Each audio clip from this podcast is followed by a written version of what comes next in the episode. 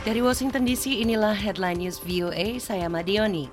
Dirjen Organisasi Kesehatan Dunia WHO, Dr. Tedros Adhanom Ghebreyesus mengatakan, WHO mendukung penuh upaya untuk membuka kembali ekonomi dan masyarakat, namun ingin dilakukan dengan aman. WHO fully supports efforts to reopen economies and societies. We want to see children returning to school and people returning to the workplace. But we want to see it done safely. Berbicara kepada wartawan Senin 31 Agustus di Jeneca, Dr. Tedros mengatakan negara mana pun tidak bisa berpura-pura pandemi telah berakhir. Sebaliknya ia mengatakan virus corona mudah menyebar, bisa berakibat fatal bagi orang-orang dari segala usia dan sebagian besar warga masih rentan. Tedros mengatakan jika negara-negara serius ingin membuka diri, mereka harus serius dalam menekan penularan dan menyelamatkan nyawa. Penjual buku dan penerbit Hong Kong yang sejak lama dikenal sebagai pendukung kebebasan berekspresi di wilayah Tiongkok kini mendapat ancaman yang lebih besar menyusul Undang-Undang Keamanan Nasional baru yang diberlakukan pada bulan Juli. Sekarang, penjual buku bisa terancam melanggar undang-undang yang menerapkan hukuman ketat untuk pelanggaran yang tidak jelas seperti pemisahan negara dan menumbangkan kekuasaan negara. Hillway Press, penerbit independen di Hong Kong, sebagian besar menerbitkan novel dan buku teks online. Setelah gerakan anti-amandemen Undang-Undang Ekstradisi tahun lalu, Hillway Press mulai menerbitkan buku tentang masalah sosial. Penerbit tersebut mengatakan pihak berwenang sedang mencari alasan untuk menghukum seseorang secara terbuka sebagai contoh bagi yang lainnya. Percetakan telah menerima informasi bahwa politisi mencari penerbit buku politik untuk menekan dan menakut-nakuti warga, kata seorang eksekutif Hillway Press yang tidak mau disebutkan namanya dan dijuluki Mr. C. Ia mengatakan dampak mengerikan telah muncul jauh sebelum penerapan Undang-Undang Keamanan Nasional itu. Publikasi terbaru perusahaan itu, To Freedom, yang memuat artikel tentang gerakan anti-amandemen Undang-Undang Ekstradisi ditolak oleh enam percetakan. Hillway Press harus mencetak buku itu dan menjilidnya di perusahaan lain agar bisa diterbitkan. The Voice of America.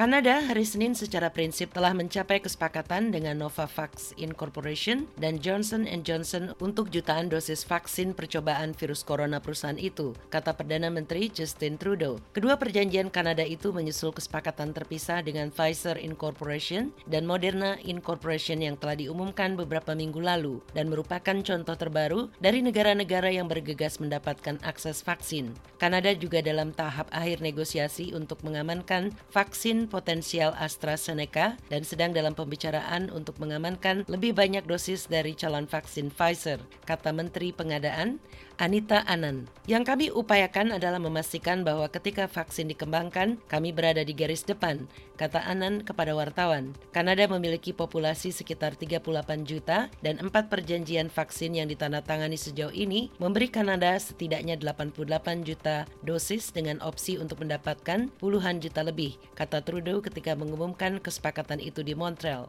Ketika Departemen Kepolisian New York tahun lalu memecat seorang anggotanya karena menekan leher Eric Garner dengan lutut yang berakibat fatal, Serikat Polisi berpendapat hampir tidak ada sistem disiplin internal departemen untuk hukuman semacam itu sebelumnya. Hari Senin, Departemen Kepolisian terbesar di Amerika ini memaparkan kemungkinan konsekuensi atas kesalahan polisi lewat rancangan serangkaian disiplin yang akan memandu keputusan hukuman menyerupai pedoman hukuman yang digunakan dalam kasus pidana. Pedoman disiplin ini akan diberlakukan setelah periode tanggapan publik selama 30 hari. But invariably, in any occupation, there will be there will be um, incidents that happen that shouldn't happen. And when those incidents happen, we want to have a roadmap where both our employees as well as the public knows what to expect. And that's the consistency we're looking for here. Kita ingin menjelaskan bahwa jika kita melakukan hal tertentu akan ada konsekuensi tertentu, kata Wakil Kepala NYPD Matthew Pontilo yang ikut membuat kebijakan disiplin itu dibantu pejabat departemen dan lembaga di luar kepolisian. Sembilan minggu menjelang pemilu Amerika, Presiden Donald Trump dan penantangnya dari Partai Demokrat, mantan Wakil Presiden Joe Biden, hari Senin saling tuding mengenai kekerasan jalanan terkait ketidakadilan rasial dan perlakuan polisi terhadap minoritas yang meletus dalam beberapa hari terakhir. Sekian Headline News VOA Washington, saya Madioni.